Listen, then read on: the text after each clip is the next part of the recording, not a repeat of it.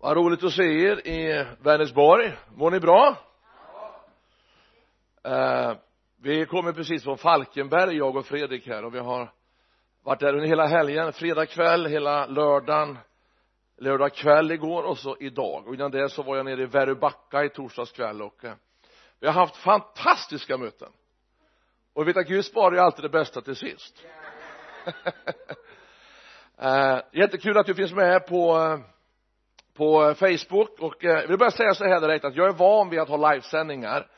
Eh, och då är jag väldigt tydlig med och frimodig med att säga det att, att om du under, under sändningen upplever det som att du vill prata med någon så ta och mejla direkt in. Ta kontakt med baptistkyrkan i Vänersborg så kommer de att kontakta dig. Därför vi tror att, att Gud är större än vad vi tror. Och han kan göra långt mer än vad vi, vad vi tror så även om det är ett antal människor i kyrkan här fantastiska fina ni ser ut så är det mängder av människor som kommer att lyssna på det här livesändning eller efteråt. Eh, det är fantastiskt när vi har media på det här sättet att via Instagram och Twitter och Facebook på ett enkelt sätt kunna förmedla ut den kraft som finns i namnet Jesus. Och vi ser hur människor blir frälsta, helade, upprättade.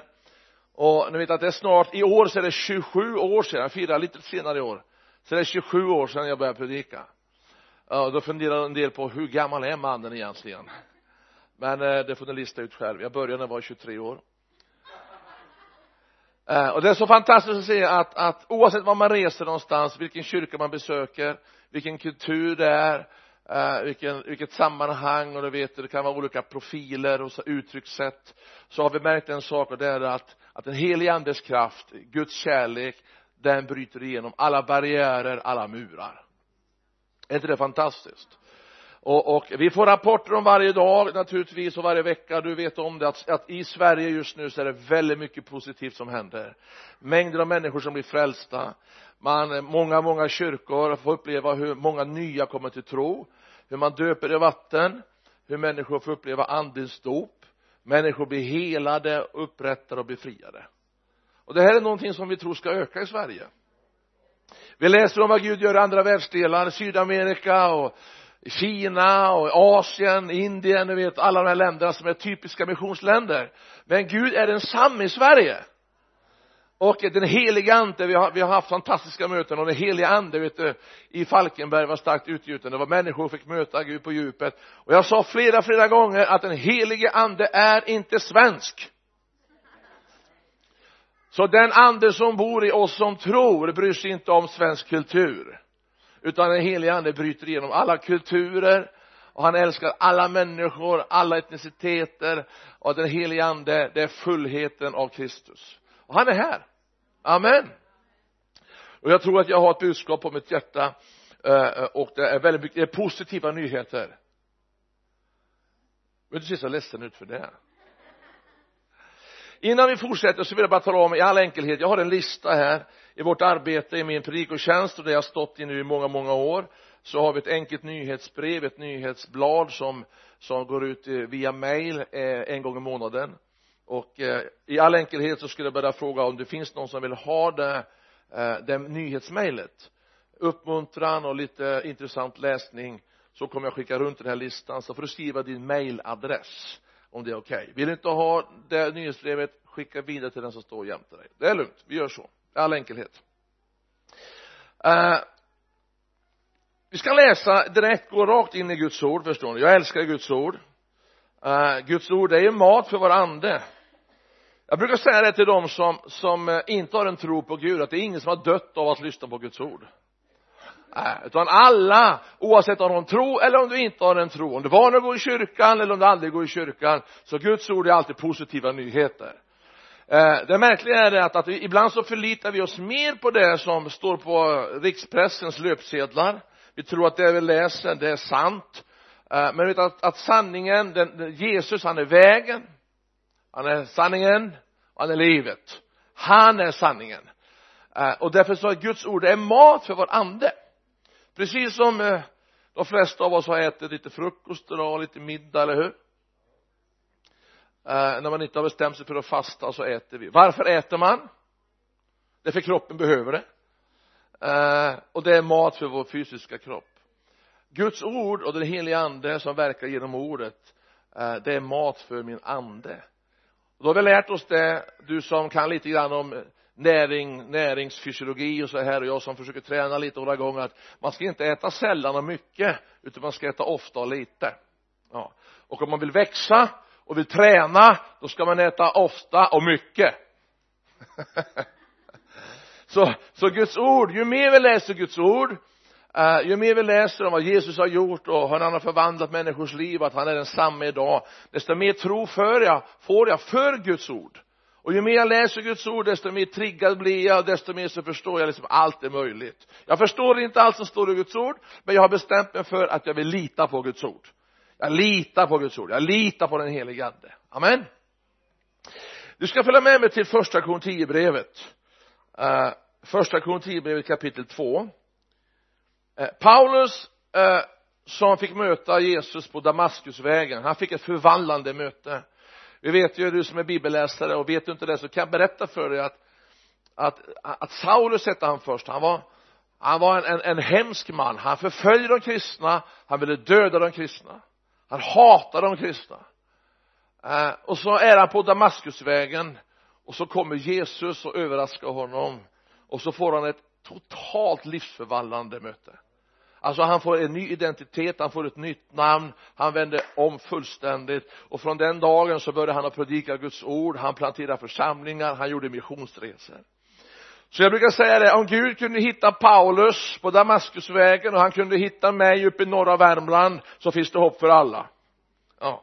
Och Gud han plockade Paulus. Och Paulus han, han hade en gåva att predika, han hade en gåva att skriva brev till, till församlingarna vi predikanter, Bengt-Arne, är det inte så vi älskar att predika om Paulus. Ja men det är knappast någon som vill leva det liv han levde frivilligt. För att han, han fick utstå otroligt mycket. Och när han skriver brevet till, Korint, till Korinto eh, en ganska brokig stad med en brokig skara människor så vill han påminna församlingen om några saker som är oerhört viktigt. Och idag så vill jag att vi ska ha fokus på vad Gud vill göra i Sverige. Jag tror att det finns en kallelse Eh, eh, i våra hjärtan. Vi känner en dragningskraft att Gud kallar oss tillbaka till den första kärleken. Sverige är ett land som är en vågskål. Sverige är ett, eh, ett av världens mest sekulariserade länder. Liberalteologin har tagit ett strupgrepp kring många kyrkor. Man börjar ifrågasätta Guds sanningar, man börjar ifrågasätta jungfrufödelsen. Alla de här kärnvärdena som ligger till grund för de sanna, riktiga, gudomliga doktrinerna. De liksom är attackerade idag. Och därför så tror jag att Gud vill att, att den som verkligen älskar Gud av hela sitt hjärta den som verkligen längtar efter att få se en ny andens vind över Sverige ännu starkare. Vi måste förstå att det finns en resa att göra. Om vi ska vinna någonting så måste vi också förlora någonting vi måste betala priset. Det så, låter ju hemskt men det kostar ju någonting att, att gå med Gud. Och ju mer vi är beredda att betala det priset desto mer kommer vi se att Gud han, han gör saker som inte vi förstår. Men det kommer alltid att kosta någonting. Och därför så tror jag att Gud är inte en speciell Gud för Sverige. Han är inte en speciell Gud för Indien eller för USA, Sydamerika. Gud är densamme. Amen så därför är det samma förutsättningar det är samma förutsättningar att få se det Gud gör i andra världsdelar att få se det i Sverige. Och då tror jag att Gud kallar oss att våga ta nya steg i tron. Att våga tro Gud om att ja men det finns någonting mer för mig. Jag sträcker mig efter det som kommer och det är här. Om jag bara vågar ta ett steg i tro så har jag det redan.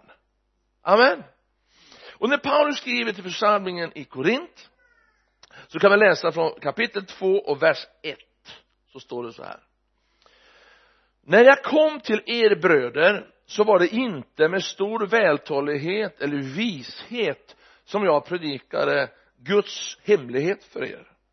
Jag hade nämligen bestämt mig för att inte veta av något annat hos er än Jesus Kristus och honom som korsfäst. Det är väldigt, det är väldigt viktigt det sista det att, att han skulle vara korsfäst.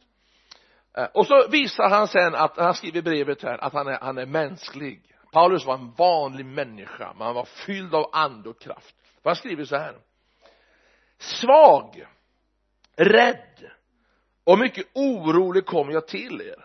Mitt tal och min predikan eh, kom inte med övertygande visdomsord utan en bevisning i ande och kraft. Så kommer det. Er tro i Korint så skriver han till församlingen ska inte bygga på människors visdom utan på Guds kraft. Alltså Paulus målar upp en polariserande bild av att Guds kraft det står emot mänsklig visdom. Man kan inte åberopa Guds kraft och vilja leva i Guds kraft och samtidigt liksom förlita sig på mänsklig visdom och han fortsätter och skriver att vishet det förkunnar vi bland de vuxna. En vishet som inte hör till den här världen eller den här världens härskare som går mot sin undergång. Nej vi förkunnar Guds hemliga och fördolda vishet som Gud från evighet har bestämt ska bli till härlighet för oss. Den visheten har ingen av den här världens härskare känt. Hade de känt den skulle de inte ha korsfäst härlighetens herre och så vidare. Så han önskar och ber om att er tro, er tro på Kristus den ska vila på Guds kraft. Vänner, vi behöver mer kraft i våra liv. Jag tror ingen av oss här kan säga så här, ah, men jag, jag har så mycket kraft så att jag, jag behöver inte mer. Jag har kommit mer och mer till insikt om efter alla de år jag har predikat och jag har sett det att det som förvandlar människors liv det är inte mänskliga ord. Det är inte vältalighet det är inte liksom välformulerade ut, utläggningar och bibeltexter och betraktelser utan det som förvandlar människors liv det är när Guds kraft hans kärlek genom den helige ande kommer och möter människor face to face och de får ett förvandlat liv. Och det kan ske ögonblickligen.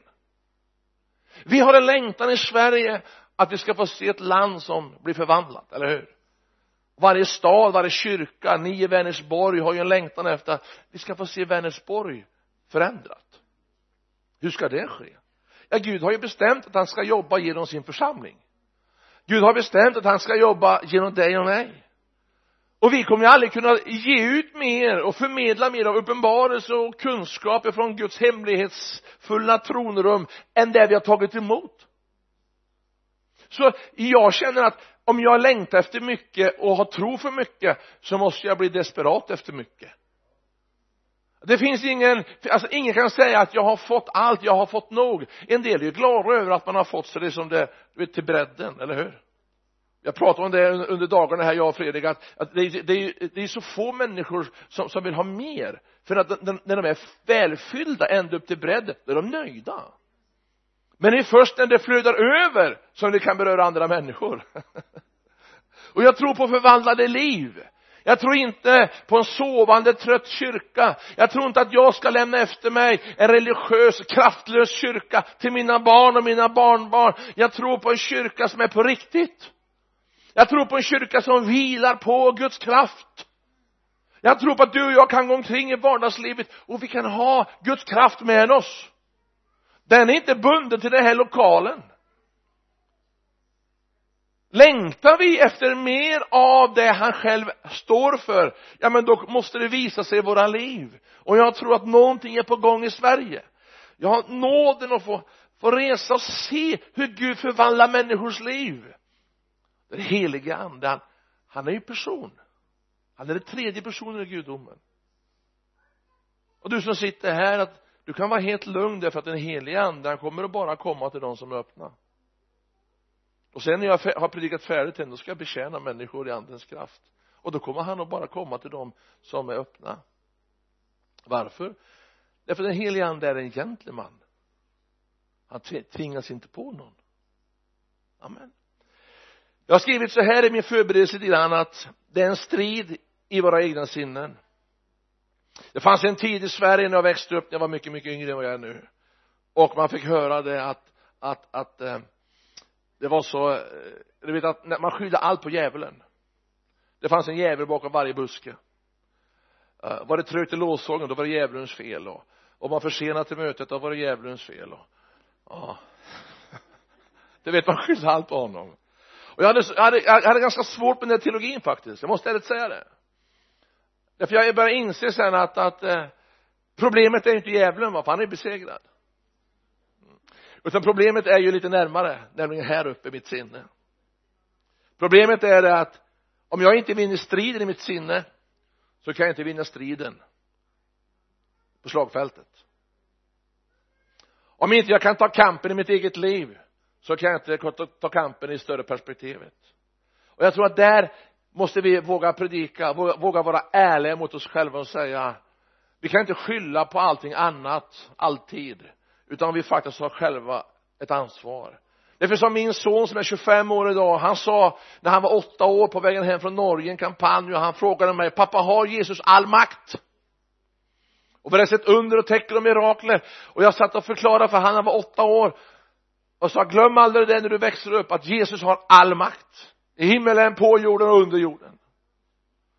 Och Satan har ingen makt så jag mer än det vi tillåter honom att få. Så att han tyst ett tag och så efter några minuter så vrider han ner lovsången i bilen och så sa han pappa, pappa sa han, ja sa vad är då problemet? Mycket bra fråga det sa han för många år sedan nu, 17 år sedan. Han är 25 år idag. Striden står i vårt sinne och jag tror att Gud vill två saker i vårt land, i våra egna liv. Han håller på med det just nu. Han håller på att mönstra. Han kollar av. Och han frågar ungefär så här vem kan jag lita på? En gåva kan fylla ett helt rum. Man kan bli attraherad av gåvor. Vi kan bli attraherade av människor som har fantastiska gåvor. Men om inte det smörjer sig till det för det är smörjelsen som bryter oket över människor. Det är inte gåvan i sig. Det är smörjelsen. Vad är det? Det är helig ande. Förmågan i den helige ande. Så han håller på och mönstrar människor och frågar var finns de i Sverige? Var finns de i Vänersborg? Som liksom inte bara är med för att någon annan är med eller som bara surfar med på vågen utan som menar allvar. Och vet du jag tror att det finns mängder av människor som älskar Jesus av hela sitt hjärta som aldrig än har satt sin fot i en kyrka. För de vet inte vad kyrka är men de älskar Jesus. Gud håller på och mönstrar människor i Vänersborg för ett större syfte. För kyrkan och du och jag lever inte för oss själva vi lever ju för andra. Vi har ju dött bort med Kristus och vi vill ju predika evangeliet och då gäller det andra. Så han håller på att mönstra sitt folk. Han håller på att föra oss tillbaka.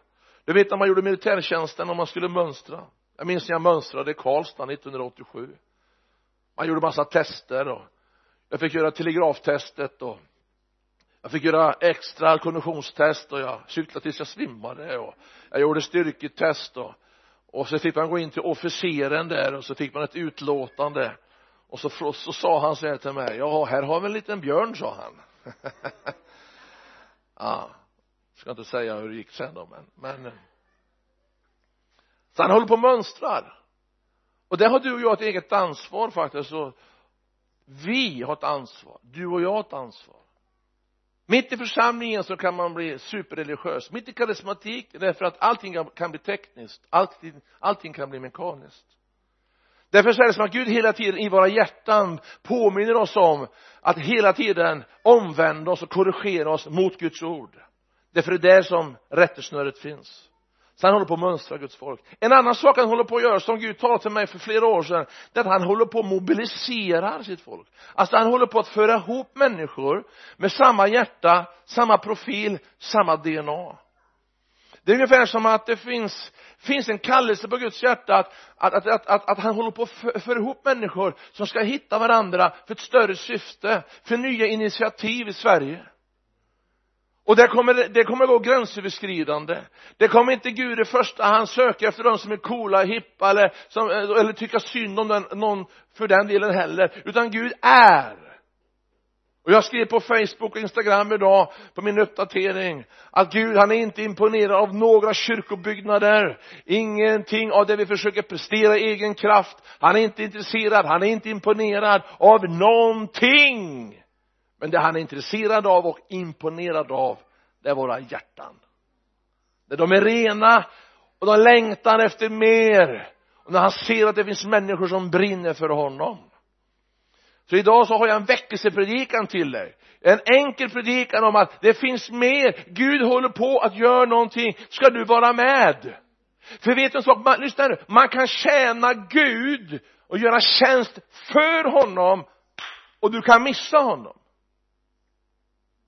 man kan tjäna Gud så man missar Gud. Och det finns människor som har arbetat sig trötta för att man har tjänat Gud. Men man missade Gud. Människor bara nu sista helgen här vi kommer ifrån vittnar om att de sa jag har aldrig varit med om det. Jag har aldrig känt Guds kraft. Jag har aldrig sett hur Gud verkar. Fredrik kan ju intyga det. Mängder av människor och när vi bad för människor så du vet de fick sina liv fullständigt det kom en stark beröring. Varför? Den helige ande har en grej på gång för Sverige. Han har ett syfte, han håller på och verkar. Och Gud kommer plocka människor överallt. Även i Vänersborg. Så det är som att Gud vill göra oss andligt gravida. Och du som man det gäller dig också. Du kan bli gravid. Du vet att när man blir gravid har du sett en kvinna gravid någon gång? Min fru har varit gravid fem gånger. Jag kan väl säga så här att det inte alltid sett så snyggt ut.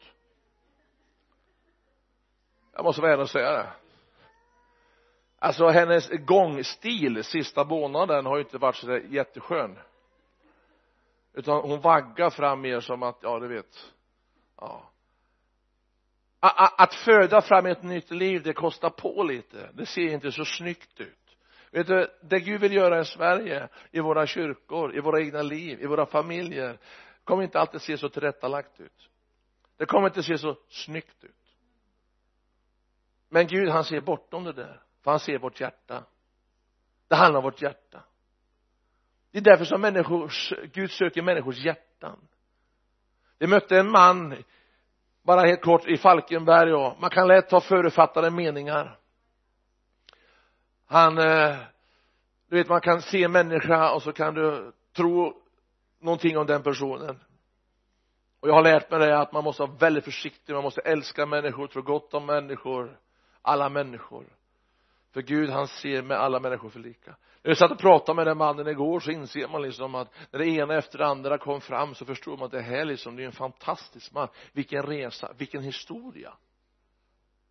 Han hade kommit ifrån Gud lite grann och sådär och han längtade tillbaka och han hade levt ett fruktansvärt hårt liv och märkt i sin kropp, i sin själ och han hade aldrig varit på möten där liksom. Han har känt hur verkligen han blir älskad och sådär och efter mötet sen när vi bad för många människor och profeterade så, så tog vi fram honom och så la jag handen på honom. Det var som jag brukar säga propparna gick i mina händer alltså mina fingrar. Alla proppar gick samtidigt. Det gick som 20 000 volt genom kroppen på honom. Och han, han bara fick, låg och, Guds ande bara kom över honom.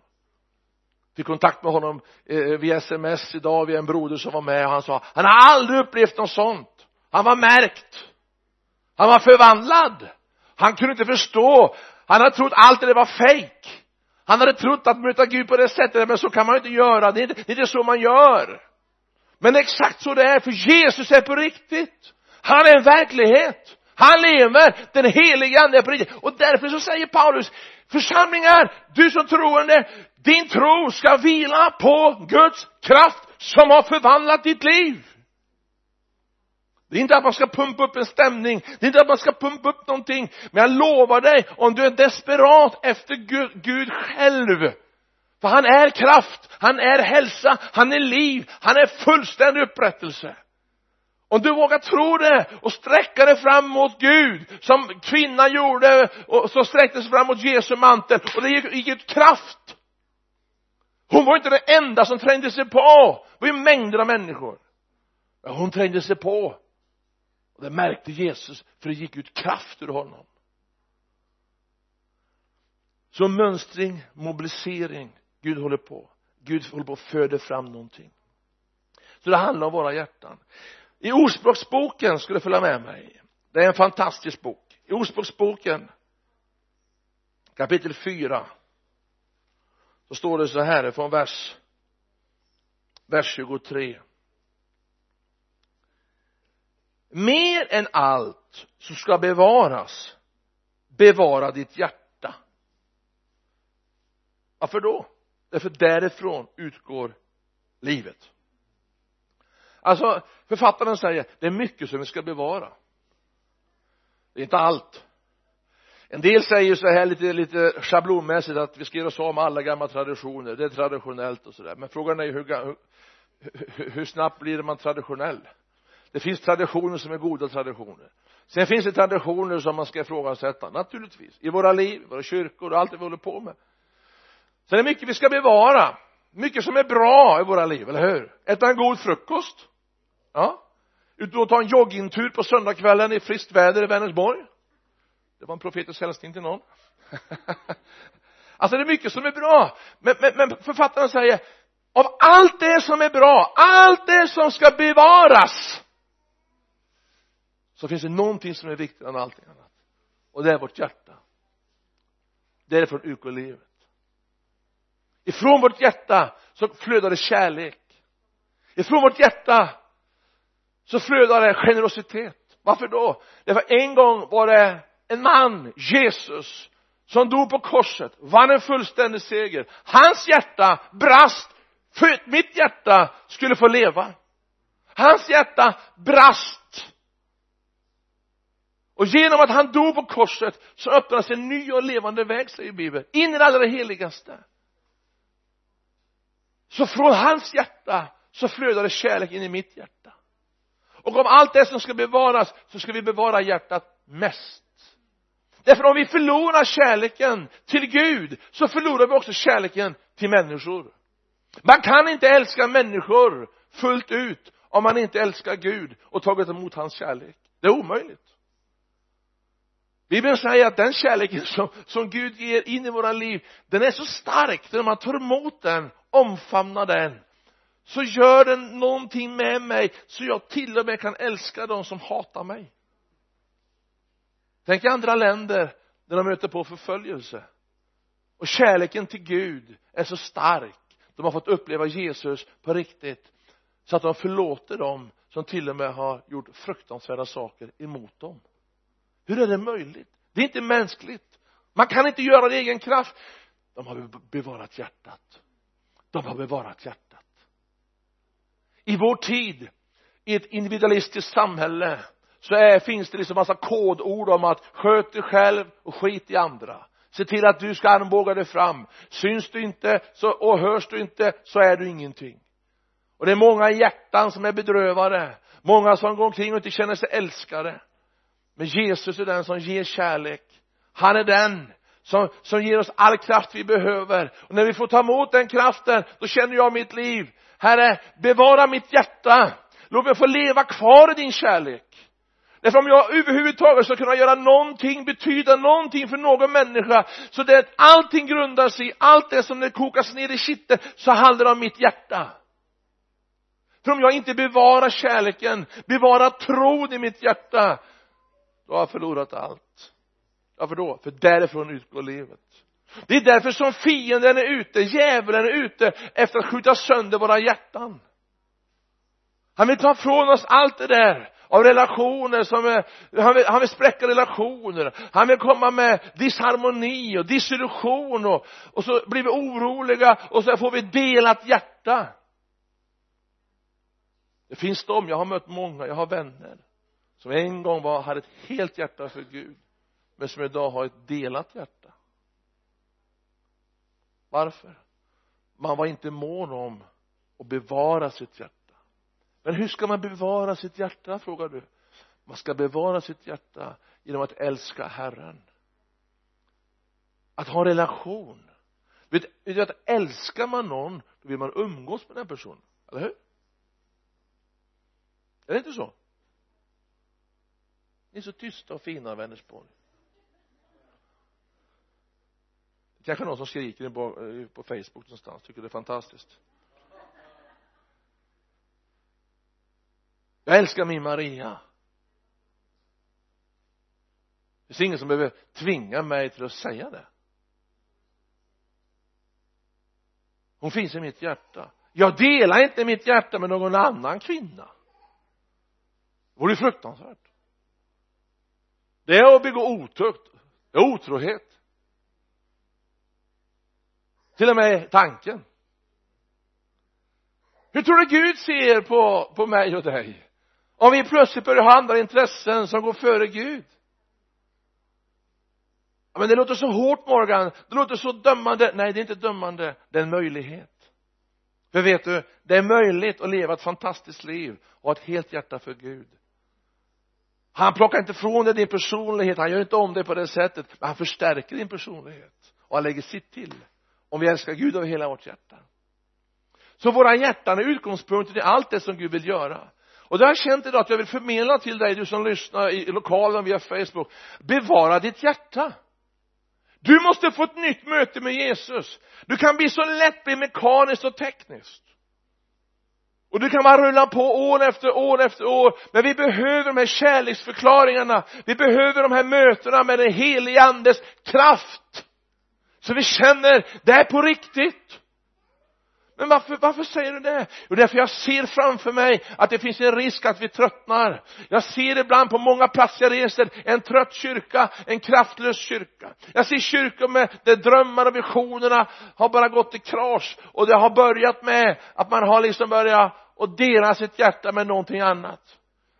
Men Bibeln säger att för den som älskar Gud samverkar allt till det bästa. Allt till det bästa. Du, vi kanske inte ser det nu men efter tid när vi prioriterar vi sätter Gud först.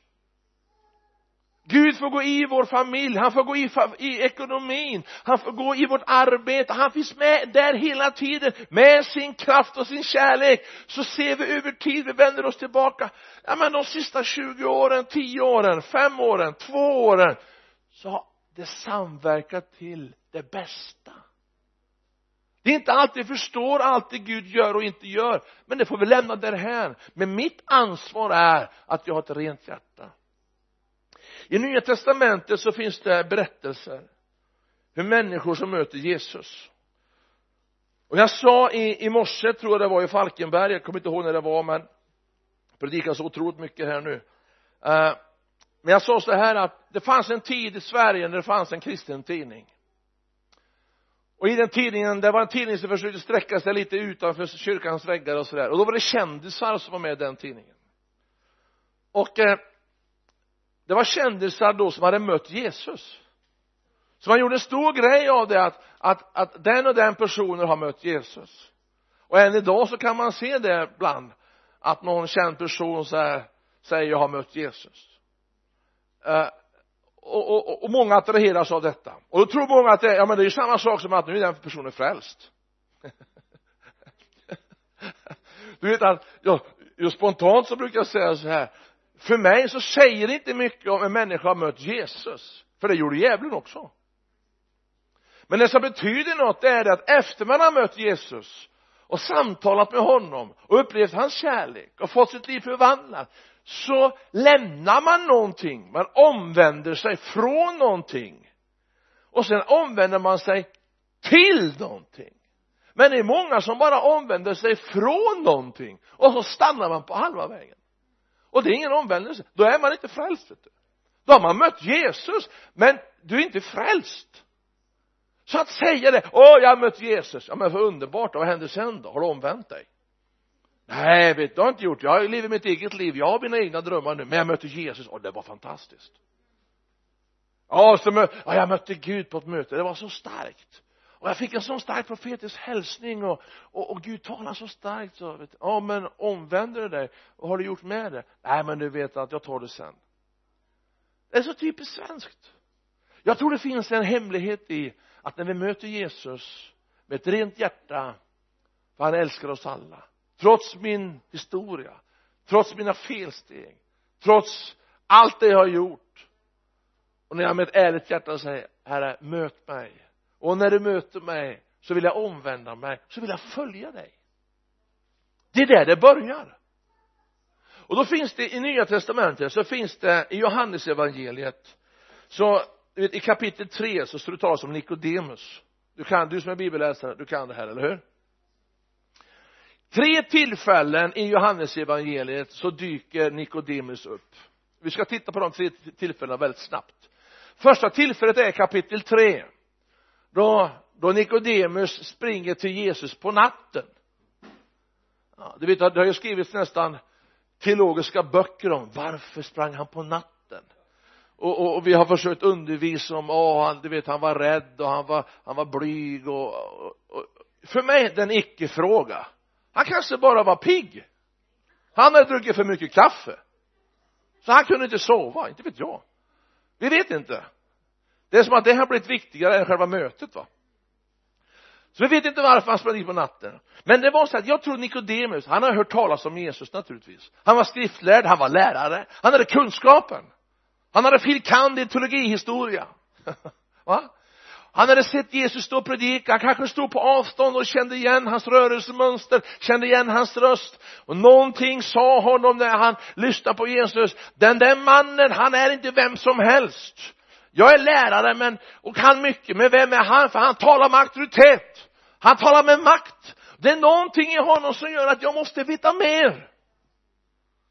Så han springer dit på natten och så berättar Jesus och Nikodemus får ställa frågor och han frågar liksom hur man ska kunna bli född på nytt igen och Jesus förklarar detta och han fattar ju ingenting jag, jag var då född på nytt jag kan väl inte komma tillbaka mammas mage det är en relevant fråga, eller hur när Jesus pratar så kryptiskt så är det en relevant fråga. Och så förklarar Jesus. Och de, de hittar inte varandra först för att han, han är inte där. För Nikodemus hade kunskaper men Jesus hade uppenbarelsen. Men någonting händer där och de skiljs åt. Och Nikodemus han fick det här mötet med Jesus. Andra gången vi möter Nikodemus i Johannesevangeliet, det är i kapitel 7 i kapitel 7 förstår du. Så börjar man anklaga Jesus. Han blir anklagad för det mesta så vi är i gott sällskap vet du. Om du blir anklagad någon gång för att vara frälst eller någon hånar dig så då är det gott sällskap. Mm. så står det så här att eh, i vers 50 kapitel 7 och vers 50 för nu har man börjat ifrågasätta Jesus man vill ta honom till fånga ställa honom inför rätta eh, de skriftlärda. Och då står det så här Nikodemus han som tidigare hade kommit till Jesus och så var en av dem. Alltså han var en av dem som anklagade Jesus. Han var skriftlärare, han var lärare. Så hans vänner, hans kollegor stod där och ville liksom döma Jesus men då säger Nikodemus så här vår lag dömer väl inte någon utan att man först hör honom och tar reda på vad han har gjort. Bara det att han frimodigt vågar träda fram och säga detta. Tänk dig själv. Det är väldigt modigt gjort. Bland sina vänner. Kanske han hade kollegor som var skriftlärda. De, det är lagen som gäller men Nikodemus han känner att det är en brottningskamp i hans hjärta. Han är inte lika säker än. Så han, han kliver fram och ställer sig emellan Jesus och mellan sina egna och på något sätt så försöker han medla. Vad, vad, vad, vad hade hänt? Jo, den där natten när Jesus talade liv in i Nikodemus ande in i Nikodemus hjärta så började någonting att hända och det var det som gjorde att han orkade stå upp och stå emot sina egna och så säger de så här, de svarar honom, är du också från Galileen? Direkt så kommer liksom de där gliringarna ja men är du också en av dem? Har du omvänt dig? Har du, är du en sån som hänger med Jesus nu? Jag trodde du var en av oss men han, han stod upp och vet du jag tror det är så här att Gud söker efter människors hjärtan. Och när människors hjärtan blir berörda av Gud genom dig så händer alltid någonting. När du träffar människor i vardagslivet över en kopp kaffe eller i vardagsrummet eller på tåget eller flyget eller var du än är och talar om Jesus. Öppna din mun och tala om Jesus och berätta vad han har gjort i ditt liv. Då händer någonting. Det skapas en förväntan tredje gången som vi läser Nikodemus i Johannesevangeliet det är kapitel 19 blända fram dit så ska du få se. Det är lite märkligt. Nu har Jesus dött, blivit korsfäst och dött och man ska begrava honom. I kapitel 19 och vers 38 så står det mycket märkliga saker. Tänk på det då att när Jesus levde så hade han mängder av människor som gick med honom ja. Det var sådana som verkligen älskade honom. Det var sådana som hängde med de som älskade honom för att de skulle vara med i rätt gäng. Och det var de som anklagade honom. Det var mycket folk omkring Jesus hela tiden. Men Nikodemus han var inte en av dem som hängde med Jesus så nära. Men nu när hans kropp ska tas om hand då är det som att då dyker de här människorna upp som ingen har reflekterat över fanns. Det står så här Josef står det från Arimatea lyssna som var lärjunge till Jesus fast i hemlighet av rädsla för judarna. Vet du jag tror att i Vänersborg så finns det människor som är precis lika mycket frälst som du som sitter i kyrkan här och är frälst. Jag tror det men på grund av olika omständigheter självkänsla, självförtroende, uppväxt, personlighet så är de rädda. De är lite blyga. Men vet du, jag tror att vi är inne i en tid just nu när Gud kommer att hitta de här människorna som ingen trodde på. Som ingen räknade med. Som ingen förväntade sig skulle bli använda av Gud som ingen förväntade sig skulle bli återupprättad. De kommer att hitta Jesus. Det står att han de bad sedan Pilatus om att få ta ner kroppen. Pilatus tillät det. Josef gick då och tog hand om hans kropp. Och så kommer det. Även Nikodemus kom dit. Han som första gången hade kommit till Jesus på natten wow. När man förväntar sig att de här andra som kanske hade hängt med Jesus hela hans tjänst dryga tre åren, varit med honom, sett honom jobba, mirakler, under och tecken man kanske hade förväntat sig att de skulle vara där då. Men de är inte där. De som dyker upp det är de som ingen förväntar sig skulle vara där. Och Nikodemus var en av dem. Varför brydde han sig om en död kropp? Och jag tror att han hade fått en kärlek till Jesus. Så till och med när han hade dött så kände han sån vördnad. Och han kände den här mannen han förvandlade mitt liv. Han förändrade min attityd. Någonting hände i mitt hjärta. När han talade till mig den där natten. Så jag kan inte släppa Jesus. Utan att jag har mött människor där ett enkelt möte till och med mindre än det här. Färre människor. Ett enkelt möte. Har fått ta emot Guds kraft. Och fått liksom en du vet det, en touch, en beröring av Jesus själv. Och då sattes någonting i rörelse. Och jag har mött dem många år senare och har de sagt så här Morgan kommer du ihåg det där tillfället? Nej tyvärr. Nej jag förstår det. Men och så berättar de. Ett enkelt möte. Och det där tog tag i mitt hjärta. Och sen har jag bara älskat Jesus mer och mer och mer och mer? Ja jag har gjort mina misstag. Jag har fallit. Jag har strulat till det ibland. Men jag har hela tiden velat omvända mig i mitt hjärta. Du vet att när vi älskar Jesus när vi får möta honom så är vår högsta önskan att vi ska ha vårt hjärta rent att vi ska bevara vårt hjärta rent. Men ibland så faller vi. Ibland så gör vi misstag. Vet du varför? Vi är människor problemet för Gud är inte i första hand att vi faller ner i groparna av besvikelser, girighet, förtal, förakt, oförlåtelse eller strula till i livet. Vi kan hamna i massa olika gropar med olika namn. Och det är ibland som att Gud han, han förstår att ja men det här kommer att hända för en del händer oftare för en del händer lite mindre ofta.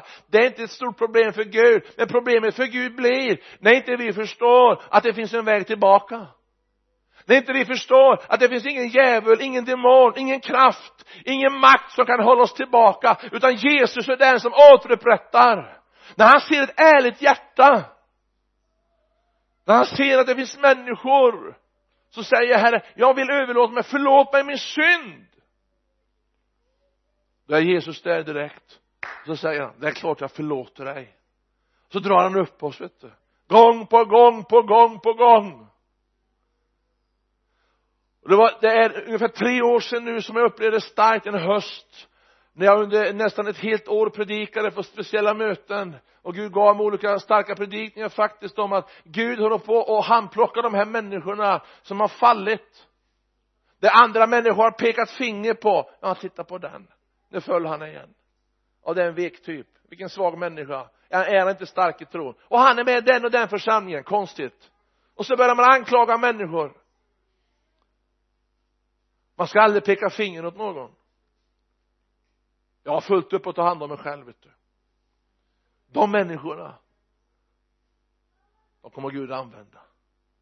Jag läser i min bibel så ser jag alla människor som Gud använder gamla testamentet, nya testamentet. Har du gjort ett bibelstudium om lärjungarna för att se vilka typer? Det var väl ingen av dem som knappt passar in i, i styrelsen här i baptistkyrkan i Vänersborg det var enkla människor förstår du? Gamla testamentet som Gud Gud reste upp mördare vet du. Människor som begick, begick misstag både höger och vänster. Alltså vilka vilka människor? Och ändå så tror Gud på dem. Därför så måste vi bara älska människor. Och vi kan aldrig älska människor mer än hur mycket vi älskar Gud. Och det handlar om mitt hjärta ikväll så tror jag den helige ande vill påminna oss om att, att det börjar med ditt hjärta. Ett hjärta kan bli hårt. Det kan bli hårdnackat. Hesekiel 36 säger att han, profeten säger att jag vill ta ut ett hårda hjärta och ge ett hjärta som är mjukt.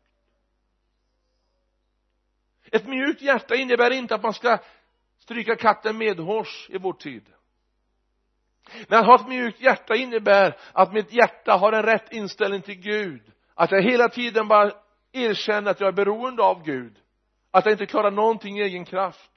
Om mitt hjärta ska ha ett rent samvete så måste jag leva ständig omvändelse. När jag möter människor olika bakgrunder som inte går i kyrkan eller går i kyrkan så behandlar jag alla människor lika.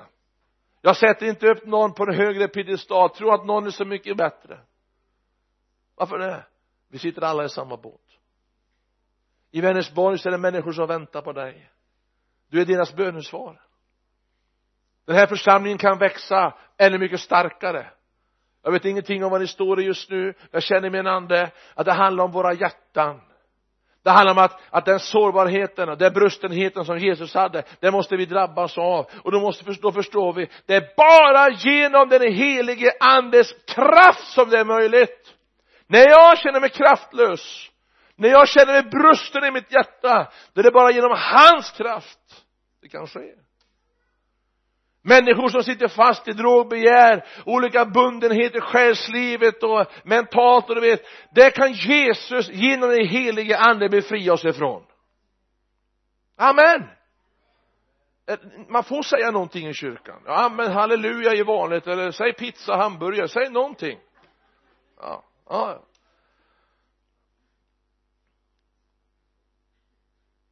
Jesus är på riktigt.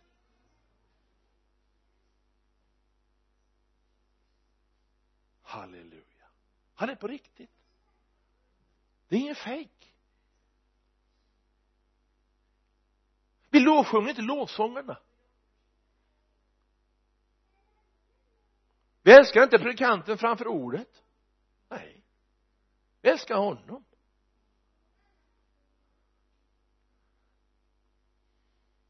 Vänersborg är en ganska stor stad tror jag, jag vet inte men hyfsat stor stad. 35-40 000 invånare kanske? Känns så?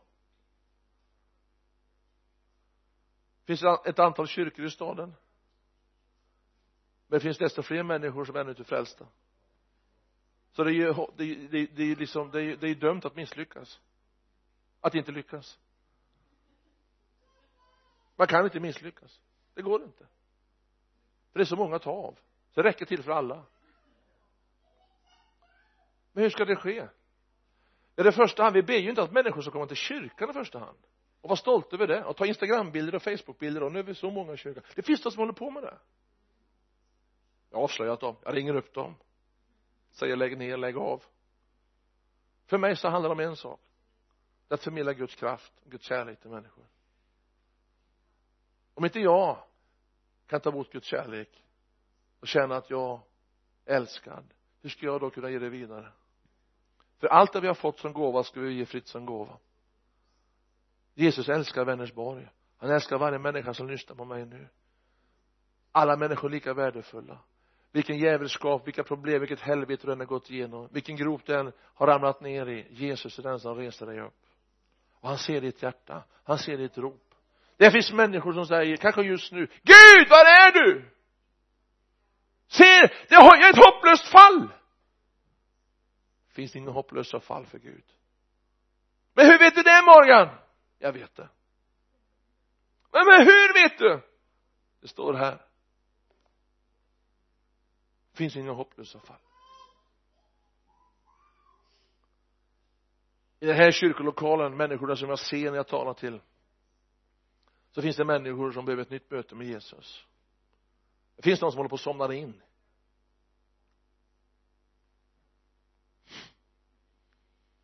Du vaggar sakta in i den religiösa drömmen. Och du maler på och mekaniskt tekniskt och servar Gud med allt det du gör för honom.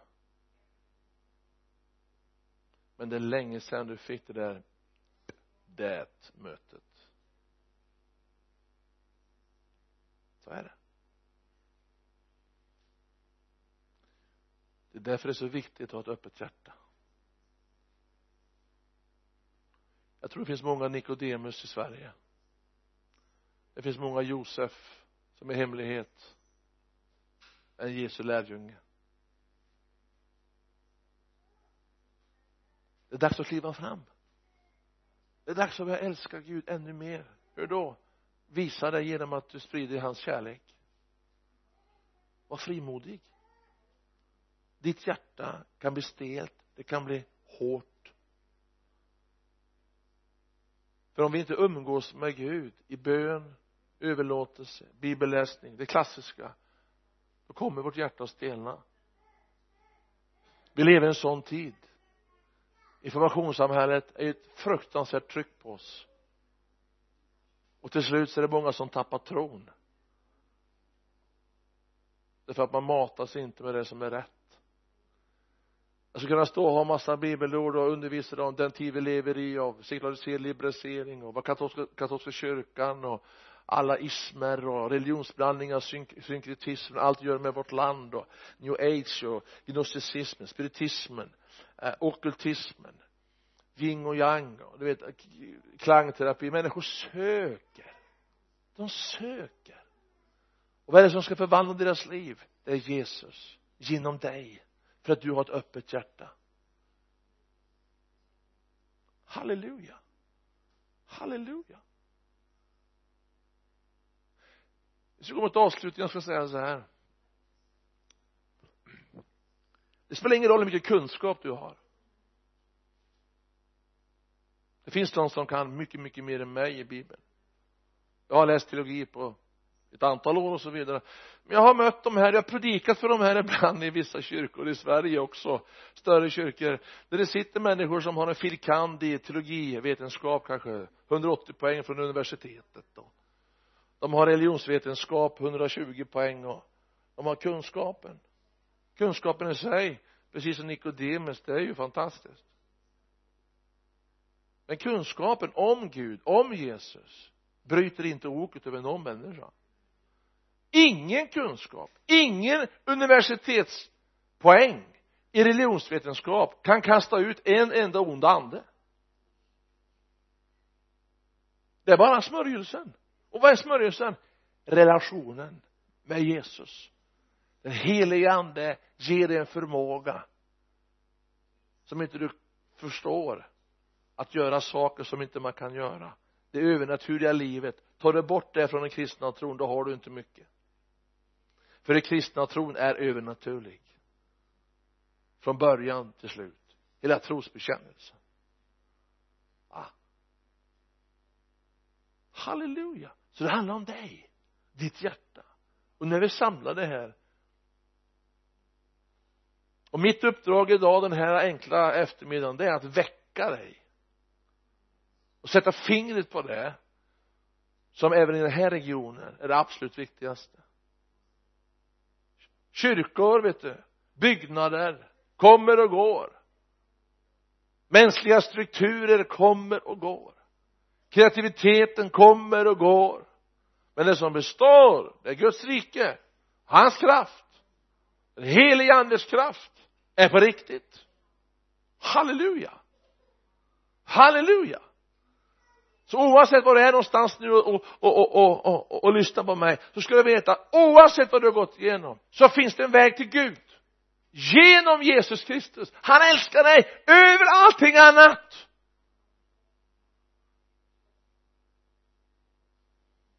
Ja det var nästan värdigt halleluja men ni, ni är så fina här i Vänersborg. Halleluja. Så Jesus kallar på människor. Jag ska be en bön för dig just nu när vi går vidare i mötet och jag ska be för människor. Men jag ska be en bön för dig du som känner så här att att du vill hitta tillbaka till Jesus. Eller hittat Jesus för första gången. Du vet att oavsett vad du har gått igenom vad du går igenom just nu så finns det ingenting i din historia som kan hindra dig för att gå med Gud för många år sedan så upplevde jag hur Gud sa till mig i mitt hjärta så här och han sa exakt så här. När djävulen påminner dig Morgan om din historia då ska du påminna honom om hans framtid.